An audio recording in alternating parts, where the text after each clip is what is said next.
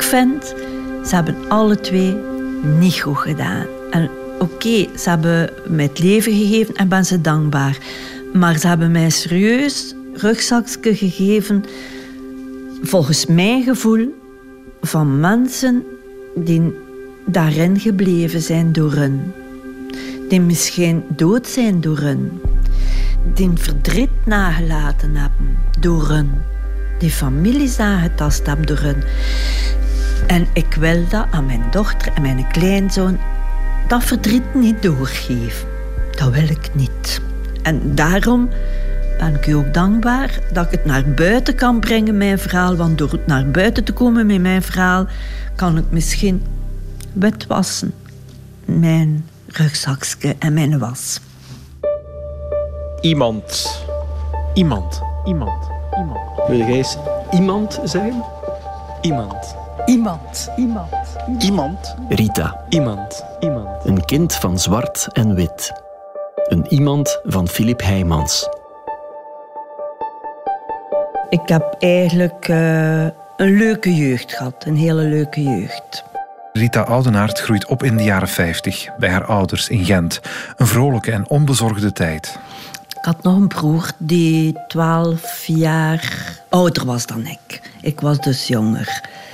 Dat was leuk. We maakten spelletjes met, met kaarten eh, en oorlog maken en met rakkertjes en dan dat kamp kapot schieten en zo van die toestand. Maar er is wel een leegte in het gezin. Een afwezigheid. Rita's oudere zus, die tijdens de Tweede Wereldoorlog gestorven is. Ja, ik had nog een, eh, een mooi beeld die door Geo Verbank eh, gemaakt was. En eh, voor dat bronzen beeld, ja, iedere zondag gingen we naar de markt. Dat was niet ver van de Nederkouter, de Kouter. En daar kocht ik, eh, mocht ik altijd verse bloemetjes kopen. En dan stelde ik dat bij mijn zus haar beeld. En ja, zoals elk kind dat wel eens doet, zit Rita op een dag in de kasten van haar ouders te rommelen. Dus haar ondergoed, haar lingerie, zat daar een trouwboekje waar dat eraan geprutst was. En ik zag dat er van alles gekrabbeld was op dat trouwboekje. Ik vond dat wel heel raar. Hmm, Ik heb haar dat wel gevraagd, wat dat, dat was. Maar eh, heel op mijn zokken. Maar Rita's ouders willen er niks over zeggen. Ah, nee, nee, allee, daar moet je niet naar kijken. Zei ze, allee, je moet je hoofd daar allemaal niet mee breken. En och ja, Rita denkt er niet veel meer aan. Ze is 15 en krijgt dus aandacht voor andere dingen. Ja, ik had een, een jongen leren kennen en eh, ja, daar ging ik voor natuurlijk. Hè. Maar dat was niet lief dat mijn ouders voor mij eh, gezien hadden. Nee, dat was dus echt tegen een zin. En ik verzette mij daartegen en ik vond dat dat wel een goed lief was voor mij. Maar voor hen niet. En ehm, op een zondagmorgen hoorde ik eh, een, geen geruzie, maar een, een, een redetwist. Zo. Oh, en ik luisterde, maar ik kon niet horen over wat dat ging. Met mijn oor tegen, tegen de, die muur gelegd. Maar oh, ik hoorde lawaai. Ik zei, oei, oei, oei, oei, wat gebeurt er daar nu allemaal? Hè? Ik had ze nog nooit zo eh horen, horen spreken met elkaar. Plots gaat de deur van Rita's slaapkamer open. Haar vader stapt naar binnen. Die zei tegen mij... Jij jij weet eigenlijk niet wat verdriet dat je grootouders nu aandoet. En de deur ging weer dicht. Ja, ik zei dan mijn grootouders. Verstond er niets van.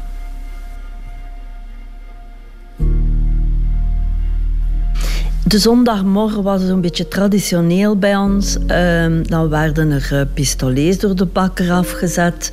En dat was dat koffietafel en dat was dat heel gezellig. Nu natuurlijk, na die ruzie was dat niet zo gezellig. En ik stond daar eigenlijk eh, naar te kijken van, ja, wat gaan we nu doen? Hè? Ja, ik ben toen stilletjes uit, uit, uit mijn bed gekropen en mij heel, heel stilletjes gewassen en zo gepiept naar de koffietafel toe. Ja, dat was geen leuk zicht. Dat was echt geen leuk zicht. Ja, en dan hebben ze mij verteld, we moeten nu, nu toch een keer spreken. Wij moeten nu toch een keer met elkaar spreken en we moeten nu wat vertellen. Kijk, dat bronzen beeld, dat is niet uw zus, dat is uw moeder.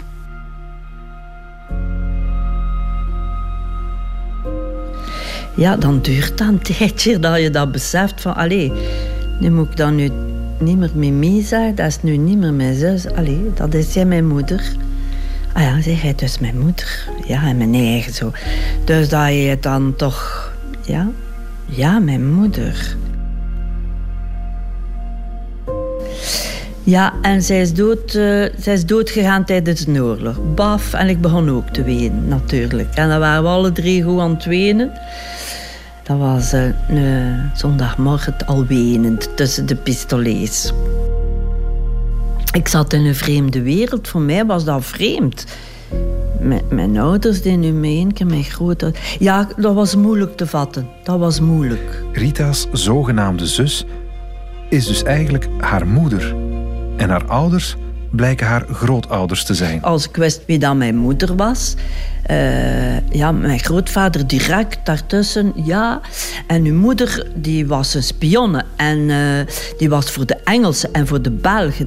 En uh, zo is ze geschoten geweest en zo leeft ze niet meer. Goed. En mijn vader, wie is dat voor iets? En dan zei mijn grootvader, ah ja, dat was een zwarte, hè. Die hij op het verkeerde paard gewet, hè. Ja, dat was een zwarte, hè. Ja, een zwarte, een zwarte en het verkeerd paard. Ah ja, dat was een zwarte, die mede met de Duitsers, hè. Een moeder uit het verzet en een vader uit de collaboratie. Rita durft niet meteen door te vragen. Ze is bang om haar grootouders te veel pijn te doen. Oeh, ja. Zij hadden dat zo moeilijk om daarover te spreken en die moeten zoveel verdriet gehad hebben. Als ik over verdriet spreek, dan weet ik nog als klein kind, heel klein kind, dat ik mijn grootvader zag met een foto. Ik heb nog die foto, die omgekeerd in zijn uh, uh, nachtkastje lag. Zo zat te wenen. En ik nam dat uit zijn handen en ik gaf daar kusjes op. En die man, dat was een klein kind, die zat te wenen. Dus die moeten veel verdriet gehad hebben. En ze merkt dat zeker haar vader een gevoelig onderwerp is. Want haar grootouders waren tijdens de oorlog zeker geen collaborateurs. Integendeel, ze waren heel Engels en Belgisch gezind. Beetje royalistisch, beetje veel zelfs. Dat was van Heil Leopold en uh, noem maar op. Ja, ja, want de Engelsen, ze zaten naar de radio te luisteren bij de oorlog, zeiden ze. En de Engelsen, oh ja, ja, ja, ja, ja Engelsen. En Amerika ook, mijn grootvader. Die is dan kort na de oorlog naar Amerika gegaan. En dat was al Amerika. Dat de, de, allee, de klok sloeg. Het was al Amerika. Nou ja. Maar stukje bij beetje komt ze toch meer te weten. Dat haar vader nog leeft, bijvoorbeeld. Ik ben dus te weten gekomen dat mijn vader als zwarte opgesloten zat in het gevang. In Sint-Gilles in Brussel. En uh, ja, dat, ik krilde daarvan. Het gevang, ja, wij, ik had dat, het gevang, dat is ja, het verste van, van mijn kring daar. Hè. Daar was geen gevangen in mijn kring. Gevang, dat is voor moordenaars. Hè. En voor dieven en zo, het gevang. Moe. Ja, daar ga ik het niet naartoe. Hè. En ook dat haar vader al een keer getrouwd geweest is. En dat hij nog een zoon heeft. Ah, ik heb nog een halfbroer. En wie is dat, uw halfbroer? Mijn halfbroer die kwam iedere keer rond kerstdag, nieuwjaar een keer naar mij kijken en dan verslag uitbrengen aan ons vader. Hoe dat met mij was, hoe dat ik eruit zag, of dat ik uh, niet te mager was waarschijnlijk, of dat ik uh, goed had en of dat ik braaf was zeker of zoiets. Rita twijfelt. Ze twijfelt en twijfelt. Maar uiteindelijk haalt haar nieuwsgierigheid de bovenhand. Maar dan heb ik gezegd, zou ik daar toch niet naartoe gaan? En mijn grootmoeder zei, ja, ga daar naartoe. Mijn grootvader trok de gezicht tot op de grond, van die was niet content dat ik daar naartoe ging, naar die zwart. En het ergste van alles, dat mijn grootvader die leed eh, chauffage en sanitair en zo. En uh, hij had toch gemaakt dat hij dat werk had, dat was mijn aanbesteding, uh, in Sint-Gilles, waar mijn vader uh, gevangen zat. Hè. Dus hij ging regelmatig op bezoek en gaan kijken of dan de werken goed vooruit gingen en zo hij had toch wel een briefje opgesteld en had aan mijn vader gevraagd, wil je dan een keer ondertekenen? En op dat briefje stond er dat ik nooit, als hij vrij ging komen, nooit mocht uh, aanspraak maken op mij. En mijn grootvader, mijn grootvader, kijk, kijk, voilà, dat, kan, dat ga ik hem doen tekenen. Hij gaat er nooit geen last van hebben. En uh, mijn grootmoeder zei altijd, maar toe, ga jij daar maar naartoe. En dus contacteert ze haar halfbroer. Samen met hem staat ze een paar maanden later in de gevangenis van Sint-Gilles.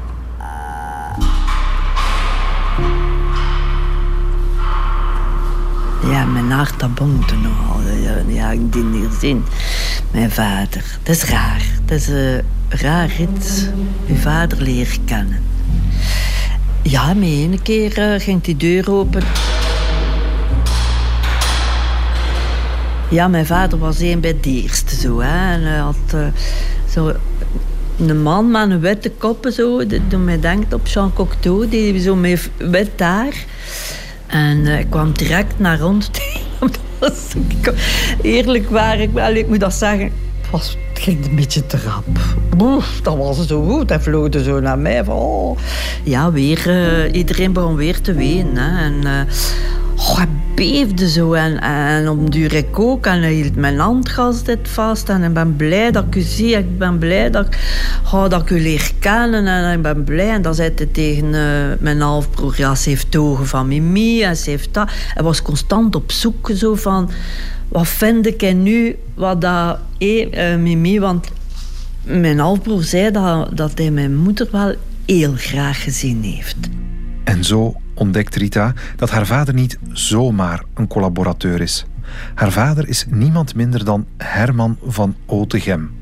Of, zoals Weile Maurice de Wilde het zei in een van zijn vele programma's over de collaboratie... Waar, u kent toch wel ongetwijfeld enkele vertrouwensmannen van hem? Bert Meuris, Herman van Otegem... Ah, niet? Herman van Otegem was een van de vertrouwensmannen van Staf de Klerk, de leider van het VNV, het Vlaams Nationaal Verbond, waarvan veel leden tijdens de oorlog collaboreerden.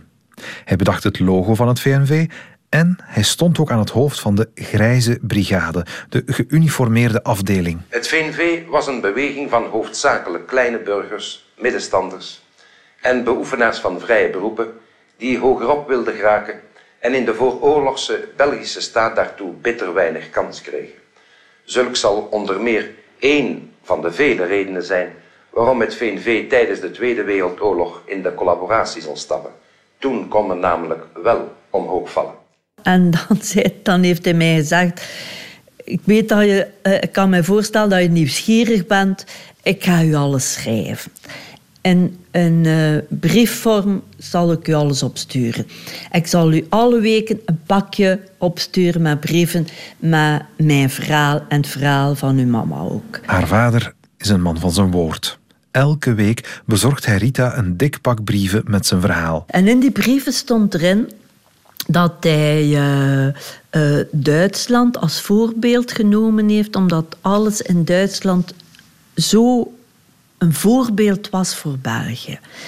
Hij was dus um, uh, architect en hij ging met zijn zoon regelmatig naar Oostenrijk, naar Duitsland. En hij toonde aan zijn zoon hoe dat ze daar allemaal huisjes maakten voor werklieden. Hoe dat, hoe dat er allemaal aan toe ging. En dat was een voorbeeld voor ons uh, dat alles zo perfect, volgens hem perfect ging. Dus hij schreef mij hij was ook voorvechter al, van voor de oorlog, voor uh, Vlaamse uh, universiteiten.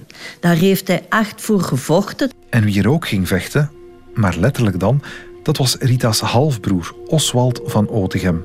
Later werd hij senator voor de Volksunie, maar tijdens de oorlog was hij Oostfrontstrijder. Mijn halfbroer is dan uh, naar Rusland gaan vechten en zo. Hè. Die, die heeft meegedaan met de Duitsers. Hè. Ja. En Rusland, dat vond ik verschrikkelijk. Hoe kun je dat nu overleven? In Rusland is dat zo koud en, de, oh, en je tenen vervriezen daar in Rusland. En dat heeft mij, oh, dat heeft mij, dat heeft mij veel meer geboeid dan mijn vader. En dat klinkt niet alleen boeiender, maar ook veel concreter dan het verhaal van haar vader. Bij zijn collaboratie kan Rita zich eigenlijk maar weinig voorstellen. Eigenlijk was wel rusten en mijn vader. Allee, ja. Ja, kon ik dan een beetje waarom moet je dan... Ja, maar dat zag er een brave vent uit, dan oké. Okay. in mijn ogen was dat een rustige man die je zag dat cultureel, dat was eigenlijk een wijze. Als hij sprak, sprak hij gewoon Nederlands. Hij was, was eigenlijk geen een zwarte, dat een zwarte gezin had. Zo weet wel, dat was eigenlijk een propere, hè. Ja, ik kon hem zo uithalen bij, bij al de gevangenen. De, die vest, dat was gesteefd, dat was schoon, maar, die, maar dat was allemaal, dat was een propere vent. En haar grootvader, die blijft intussen gekant tegen het contact met die zwarte. Haar grootmoeder stelt zich zachter op. Om het beeld van mijn grootmoeder een keer te schetsen. Mijn grootmoeder is meegeweest naar het gevangen. En uh, voor uh, dat we naar het gevangen op bezoek gingen, moest ik van mijn grootmoeder een klein flesje cognac gaan kopen in die winkels waar dan ze uh, tabak verkochten. Verkochten van die kleine flesjes cognac. Dus we gingen met mijn, groot, mijn vader gaan bezoeken. We zaten daar aan tafel. Mijn vader kwam bij ons. Ja, vrij content dat mijn grootmoeder... Uh, en het zei altijd mama oudenaard, zei altijd. En uh, ja, we gaan met drinken, een koffietje, koffietje. En ik weet niet wat ik gedronken heb, maar twee een koffie. En met één keer trekt ze, als die bewakers dan niet zagen, trekt ze die tas naar haar schoot toe, dicht bij haar.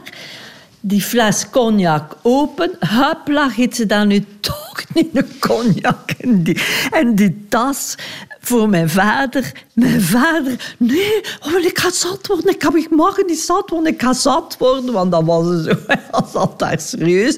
Schrik. En ze zei dan, Arman, drink dan maar uit. Je gaat goed slapen van de nacht. ik ga dat nooit vergeten. En mijn grootmoeder, ze trok zo'n krenoosje naar mij van... Zie dit? Het is goed dat ik meegekomen ben. Hè? nu gaat ik goed slapen.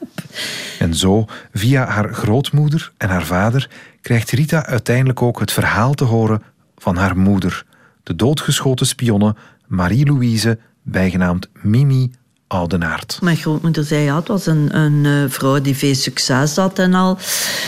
Voordat zij daarmee begonnen is als spionne, voordat de oorlog uitbrak, had zij aan de zee al uh, een Engelse uh, soldaat, soldaat van een van het leger leren kennen. Die zei, uh, ja, wat vind jij daarvan? En ja, kijk, ben ik piloot? En ben ik... Ja, en als jong meisje, ja, piloot, ja. Als, je, als ik naar een piloot nu kijk in zijn uniform, vind je dat nog altijd schoon. Die maakte aanstalten voor mij een relatie te bij, maar hij zei, ja, maar moet ik er kijken naar een Belgisch leger en hoe zit dat aan elkaar hier in België, die piloten en al. En zo had ze al een opdracht gekregen. En zo leerde ze een Belgische piloot kennen. En aan die Belgische piloot vroeg ze alles, hoe zit dat, die vliegtuigen, en hoe is dat? En dan vertelde ze dat aan die Engelse. En zo wist die Engelse dat, dat zij goed was om te spioneren. Dat zij alleen daar alles voor had om te spioneren. Rita hoort zo dat haar moeder een natuurtalent was als spionne.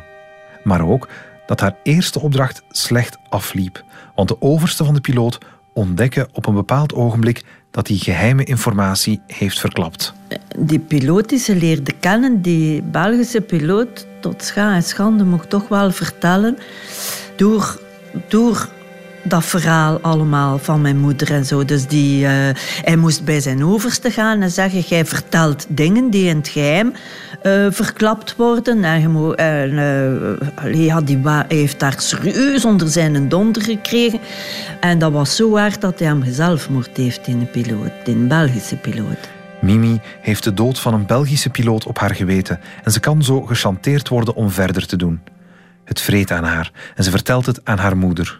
En dan heeft mijn grootmoeder bijna gezegd... Uh, Mimi, je zou er beter mee stoppen. En hoeveel kost dat voor u daar uit in de groep van die spionage en al eruit te krijgen. En, uh, en uh, ze weende en ze zei tegen mijn grootmoeder, volgens mijn grootmoeder... Ik ga daar nooit of nooit meer uit geraken. Ik zit daar vast voor altijd. Maar wat ik wel dan te weten gekomen is, dat is dat zij gezegd heeft dat zij een opdracht van een groep professoren van de Gentse Universiteit, eh, een zekere Billet, opdracht had om spionage te doen. En dat was een samenwerking met ook Kruis en wat weet ik allemaal. Dus daarvoor heeft ze gespioneerd. En van hen krijgt ze op een dag de opdracht om een belangrijke collaborateur te bespioneren, ene Herman van Otegem.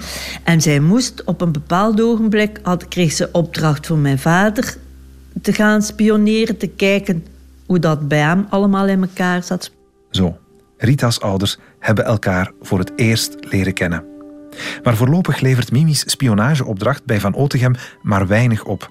En dus krijgt ze een nieuwe opdracht. Ze moet bevriend worden met een Duitse officier. Een hoogduitse officier die in een hotel zat in Brussel, uh, Total Metropol. En uh, mijn moeder had daarboven een uh, verdieping, dus boven zijn verdieping. En zo, uh, ja, dit is moeilijk nog altijd om te zeggen, uh, hadden zij in bed stilletjes al die geheimen van hem te weten gekomen. Maar na een tijdje beseft de Duitse officier dat Mimi voor het verzet werkt. De angst breekt hem uit, want als het Duitse leger beseft welke geheimen hij verraden heeft, dan is het met zijn carrière gedaan. Of erger. Het mes zat, zat hem op de keel en hij wou naar uh, Frankrijk vluchten met. En zij wou dat niet, want ze wou de, de, haar ouders niet achterlaten. Ze wil niet meevluchten. Dus uh, schiet hij naar haar droogte van haar uh, longen. En ze valt dus uh, uh, gekwetst. En hij dacht dat ze dood was. Maar, zij, maar hij is dan voor haar ogen, dus heeft hij zelfmoord gepleegd. Een tweede man die zelfmoord pleegt nadat Mimi hem gebruikt heeft. Mimi zelf overleeft het, maar ze is nu wel verbrand. Het is uitgekomen dat ze spionne was, natuurlijk, want in een Duitse officier lag daar dood. Hè? Dus ze zijn daarop gesprongen. En zij heeft direct het bezoek gehad van haar opdrachtgevers. En die hebben gezegd: wij kunnen voor u niets meer doen. Zodra Mimi voldoende hersteld is, wordt ze ondervraagd door de Duitse contraspionage. En door een Vlaamse VNV'er die voor hen werkt, Herman van Otegem. Mijn vader had volgens hem al een oogje op haar. Hij vond haar een schone vrouw en hij vond dat leuk dat hij haar leerde kennen. Maar nu zag hij haar daar volledig door een Duitser dus uh, geschoten. En uh, hij ging hem dus ja, ontfermen over die vrouw. Hij zei, ik ga dat doen. Ik ga haar informaties loskrijgen. En ik zal een keer kijken hoe dat, dat verder verloopt. En ze hadden allemaal vertrouwen in mijn vader, aangezien dat hij ja, een VNV-leider was of zo. Hè. En de Duitsers hebben haar ondervraagd. Iedereen werd opgesloten. Mijn grootouders waren opgesloten. Uh, mijn, uh, haar broer werd opgesloten van mijn moeder. Eh, zo gezegd, mijn uh, onkel. Werd allemaal op de kouter was er een, een, een hoofdbureau van de Duitsers die daar waren. Volgens hetgeen dat mijn, uh, haar broer mij vertelde, die stond ze zo recht in een klein kotje, allemaal maar grote zware lichten op haar. En uh, mijn grootmoeder is dan beginnen, beginnen wenen en heeft dat meegenomen. En zij mochten dan terug naar huis. Maar zij bleef dus en mijn grootvader ook. Die is dan ook uh, opgesloten. En na die ondervraging volgt er een proces. En mijn moeder die, uh, is dan de doodstraf gekregen. Maar aangezien dat ze de doodstraf kreeg, gingen ze haar dus wel afschieten eigenlijk. Hè. Ze gingen haar uh, executeren. Hè. En dan krijgt Herman van Otegem een plan. Eentje waarmee hij het leven van Mimi hoopt te redden. Dus zij is dan in, de, in het gevangen. In de nieuwe wandeling is ze dan uh, uh, terechtgekomen. En achter een tijd heeft mijn vader haar zwanger gemaakt. En dan heeft hij gezegd, kijk, je hebt nu de doodstraf. En wel, nu kunnen ze niets meer doen. Want zij zwanger Duitsers uh, die executeren geen zwangere vrouwen. Maar ze mocht dus onder zijn hoede, door het feit dat hij iets of wat te zeggen had, onder zijn hoede mocht ze verder leven en wonen. Het plan lukt. Mimi mag de gevangenis verlaten. Volgens de officiële geschiedschrijving heeft Van Otegem haar doen overlopen en is ze vanaf dan voor de Duitsers gaan spioneren. En zij moest op den duur dan ook voor hem meestappen met hem voor de Duitsers. Anders had ze de doodstraf. Heeft Mimi Oudenaard echt gespioneerd voor de Duitsers? Of was het een dekmantel om haar leven te redden? Tot op vandaag blijft het onduidelijk. Dat was een bescherming, hè? Ik denk dat ze niet anders meer kon. Ja, ze had de doodstraf. En, en heeft haar zwanger gemaakt, hè? Het was een groot leeftijdsverschil ook, zo. Een heel groot leeftijdsverschil tussen mijn vader en uh, mijn moeder. Denk wel dat bij de twintig jaar was, hoor. Dus dat was een oudere man, dat was ja, een soort vaderfiguur die haar kon beschermen. Hè. Of dat dan nu zwart, wit of uh, appelblauw, zeegroen. Ik denk dat daar niet veel meer... Uh, het speelde eigenlijk niet veel meer voor haar, denk ik. Voor haar is het overleefd, hè. Maar de Duitsers zitten wel verveeld met de situatie. Een VNV'er die een verzetstrijdster zwanger heeft gemaakt, dat stoppen ze liever in de doofpot. En dus verhuizen Herman en Mimi naar Antwerpen. Mijn vader moest dan vanuit uh, Antwerpen, als ze daar woonden, ze zijn dan weer naar uh, Antwerpen gegaan. Uh, in Limburg moest hij dan functioneren daar al als spion eigenlijk. En die had dan, kreeg dan opdrachten dat hij naar Limburg moest en in Antwerpen moest en zo. Daar was hij ook op zoek achter mensen die wilden spioneren. En achter mij, dat was één net. Alleen voor de bevalling keren ze terug naar Gent. Mimi belandt er in hetzelfde ziekenhuis waar ze verpleegd werd voor haar schotwonden. En ze wordt er verpleegd door dezelfde verpleegster. En uh, ze was doodgelukkig dat ze die verpleegster had en zo. En mijn vader kwam haar iedere avond bezoeken en had zijn uniform aan. En ze griezelde telkens als ze die botten hoorde. Dus, hè. In januari 1944 bevalt Mimi van een dochter, Rita. Maar de bevalling en de gevolgen van haar schotwonden hebben veel van haar krachten geëist. Maar ze was dus geschoten geweest. Ze was dus mij dus uh, op de wereld gebracht. Had niet veel meer in dan nog iets of wat was in mijn moeder. Mijn moeder was een beetje een wrak. Ze kon niet meer uh, plat liggen. Uh, ze, kon, ze had het moeilijk met ademen ook. En uh, ja, ze had schrik. Ze had altijd schrik. Ik weet een nicht die mij vertelde, die haar tegenkwam in de Velstraat. En ze wou haar begroeten en ze zei, loop door, want ik word achtervolgd. En ze had van mijn vader een grote taart gekregen. En dat was modetonnen, zo'n baroktaart, een grote taart met een kindje erop, hè, van een kindje die geboren was. En... Uh, op een nacht uh, ging daar deur open en zat ze recht in haar bed en ze zag dat er een, mes en dat blonkt zo, hé, dat mes s'nachts. En, en, en ze zat enorm veel schrik. En het was een zuster, een non, die een stuk uit de taart kwam snijden. Ze dacht dat haar leven in gevaar was. Dus zo heftig was dat ze dus... Ze leefde geen seconde meer in rust. En dat verbetert er niet op als Herman plots gearresteerd wordt door de Duitsers en Mimi weet nergens van. Want op een nacht uh, kwam mijn vader niet naar huis. En uh, ze was heel ongerust, want dat was de man die haar beschermde. Als, als die er niet was, had ze de doodstraf nog altijd van die Duitsers. Hè? En dan is ze gaan zoeken uh, overal achter mijn vader. En dat regende en ze allee, kwam nat terug thuis en ze vond hem niet. En die had een hele zware noestop gedaan uh, door mijn vader te gaan zoeken die nacht. Herman wordt al snel weer vrijgelaten, maar Mimi's gezondheid gaat sterk achteruit door die nacht in de regen. En de dokter kwam regelmatig naar mij kijken, de, de kinderarts kwam regelmatig naar mij kijken en hij hoorde hoe dat zij aan het toesten was. En dan heeft hij gezegd tegen mijn vader: zij moet dringend hier weg, want zij is heel slecht. Zij is er slecht aan toe. Zij moet uh, naar de bergen gaan, een gezonde lucht en niet hoger dan duizend meter, want dat kan haar hart niet meer aan. Gaat hem wouden en dennenwouden, dat is goed voor haar gezondheid. En dus trekken Herman en Mimi naar het Zwarte Woud.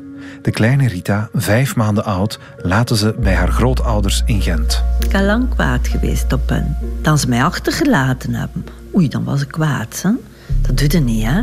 Kind achterlaten. Zelfs in oorlog pakte dat kindje mee. En in een deken en pakt dat kindje mee, hè? Maar nog goed dat ze mij achtergelaten hebben, want het was goed bij mijn grootouders. Hè. En vanaf dan wordt Mimi maandenlang verzorgd in een sanatorium in het Zwarte Woud.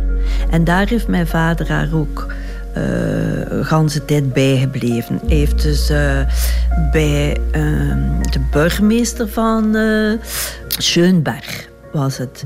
En daar stond een sanatorium. En daar bij die burgemeester heeft hij een kamer gehuurd. En iedere morgen kwam hij bij mijn moeder en kwam hij met verhaaltjes wat hij allemaal gezien had. En hij moest alles vertellen aan mijn moeder. Maar het mag niet baten. Haar longziekte heeft zich intussen ontwikkeld tot tuberculose.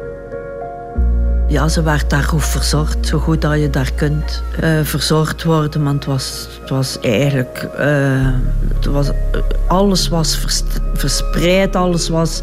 Allee, haar lichaam, dat was ze was nog een wrak. Zij is in juni daartoe gekomen en in uh, eind januari, het jaar erop, is ze dan gestorven.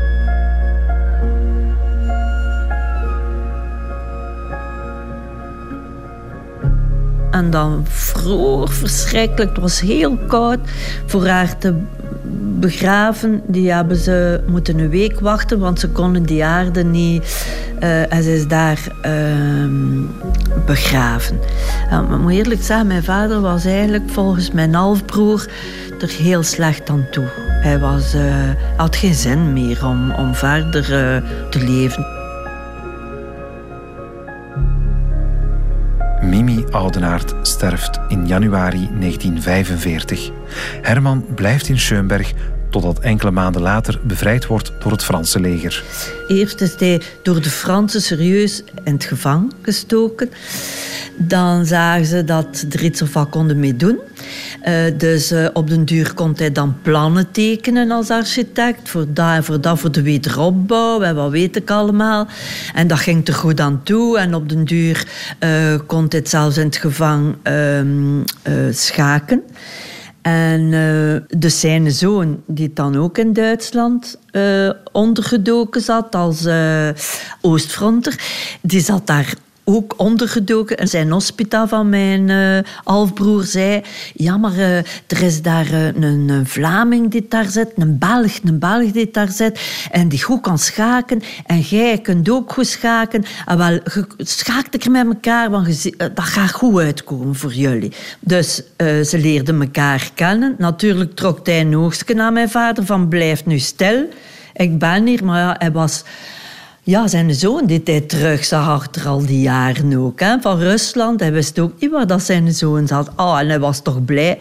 En dan hebben ze samen regelmatig in de week mogen met elkaar uh, schaken. Herman van Otegem geniet relatief veel vrijheid in Schönberg. Maar op een dag staan er Belgische officieren in het dorp. Ze komen hem gevangen nemen als collaborateur. En heeft hem laten gevangen nemen, eigenlijk. En je gezegd, ik ben daar hier zo beu... Uh, en volgens mijn broer ook. Hij wou hem gevangen laten nemen. Uh, hij wou terug naar België komen. En uh, ze hadden hem gezegd, allee, je gaat misschien maar vijf jaar hebben... of een paar jaar dat hij daar gaat zitten. En dan zijn ze terug vrij, kunnen terug architect zijn in, in, in, Gent of in België. En je kunt terug naar je land. Dus hij, hij heeft hem laten pakken. Maar ik vind dat lelijk. Hij had veel beter naar Zuid-Amerika gevlucht. Ja, alleen, ja. Hij was beter gevlucht, hè? Wat is dat nu voor iets? Want met vijf jaar komt Van Otegem er niet vanaf. Nee, hij had eerst levenslang. Maar levenslang, ja, er werd altijd uh, gevraagd voor amnestie hè, in de tijd. En uh, sommigen werden, uh, kwamen vrij. Maar ze hebben dan een verzoek ingediend voor naar de koning en al. Maar ze hebben dan, heeft dan een nieuwe uitspraak gehad. En in plaats van levenslang heeft hij de doodstraf gehad. De allerzwaarste straf. Later gaat Rita het gerechtelijk dossier van haar vader inkijken. En daaruit komt een heel ander beeld naar voren dan wat hij over zichzelf schreef in zijn brieven. Herman van Otegem werkte wel degelijk voor de Duitse contraspionage. Onder pseudoniemen als Gentiel, Johan de Witte Raoul Dupont of Jean de Wulf zou hij verschillende mensen hebben aangegeven bij de nazi's. Oeh, hij, hij zelf, mijn vader heeft gezegd dat hij geen serieuze misdrijven gedaan heeft. Ik weet het niet. Ik weet het echt niet. De doodstraf wordt uiteindelijk niet uitgevoerd. Maar Herman van Otegem blijft wel levenslang in de gevangenis, waar hij als architect allerlei overheidsgebouwen tekent. En daar heeft hij aan een zeer goedkoop loontje, maar dat was zijn straf natuurlijk, ook weer uh, plannen getekend voor scholen, voor grote gebouwen. Uh, hij was dan meisdienaar. Hij, ja, hij leefde daar. Uh, ja. En in 1961 16 jaar na zijn veroordeling sterft hij daar ook, heel plots, in de tuin van de gevangenis. Anderhalf jaar nadat ze haar vader heeft leren kennen, is Rita hem weer kwijt. Uiterlijk schijnt het dat ik op mijn uh, halfbroer gelijk en van mijn vader heb. Um, en mijn dochter heeft meer van mijn moeder. Ik heb wel de ogen van mijn moeder, de blik de, die, die melancholische blik. Maar waar dat ik wel voel, dat is dat ik uh, voor bepaalde politieke kwesties, als ik wil naar boven komen voor mijn gedacht, dan is de andere kant die zegt: stopt en nog gebruikt uw verstand. Een vader en een moeder, een witte en een zwarte. Allebei hebben ze de doodstraf gekregen. Allebei werkten ze voor een andere kant. Haar moeder voor de goede, haar vader voor de slechte. En toch vindt Rita het moeilijk om één van beiden te veroordelen. Ik vind, ze hebben alle twee niet goed gedaan. En oké, ze hebben mij het leven gegeven en ben ze dankbaar. Maar ze hebben mij serieus rugzakje gegeven, volgens mijn gevoel, van mensen die daarin gebleven zijn door hun. Die misschien dood zijn door hun. Die verdriet nagelaten hebben door hun. Die families aangetast hebben door hun. En ik wil dat aan mijn dochter en mijn kleinzoon dat verdriet niet doorgeven. Dat wil ik niet. En daarom ben ik u ook dankbaar dat ik het naar buiten kan brengen, mijn verhaal. Want door het naar buiten te komen met mijn verhaal, kan ik misschien witwassen. Mijn rugzakje en mijn was. Wie ben ik om de vinger uit te steken van... Maar uh, slecht doen aan uw medemens. We zijn verdorie allemaal medemensen. We zijn allemaal mensen. Probeer het goed te doen met elkaar. En probeer elkaar geen, geen, geen slecht te doen. Probeer in alle liefde met elkaar om te gaan. Dat is al een grote opgave de dag van vandaag. Meer kan ik er niet over zeggen. Hè. Rita Oudenaard heeft haar verhaal zelf neergeschreven in twee boeken. En toen kwam de vijand, samen met Dirk Muschoot. En de oorlog was toch voor iets goed, samen met Frida Joris. Dit was Iemand, een podcast voor Radio 1 van Wart Bogaert en mezelf, Filip Heijmans. Met deze keer nog meer dank dan anders voor Ben Venesoen, die de aflevering meegemaakt heeft. En volgende week hebben we iemand anders. Ik heb tegen niemand niks gezegd.